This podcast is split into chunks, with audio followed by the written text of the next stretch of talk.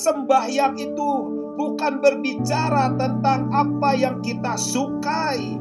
Sembahyang atau penyembahan bukan berbicara apa yang kita mau, tetapi apa yang Tuhan mau dan apa yang Tuhan sukai. Lalu Abraham mengambil kayu dan memikulnya ke atas bahu Ishak anaknya, sedang di tangannya dibawanya api dan pisau. Demikianlah keduanya berjalan bersama-sama. Abraham mempersiapkan perjalanan penyembahan tidak dengan hati yang senang, tidak dengan hati yang enteng, tetapi itu perjalanan penyembahan yang berbicara penyembelihan hati. Tuhan ingin penyembahan dalam perjanjian baru berbicara tentang menanggalkan manusia lama dan mengenakan manusia baru dan itu berbicara tentang perubahan kehendak.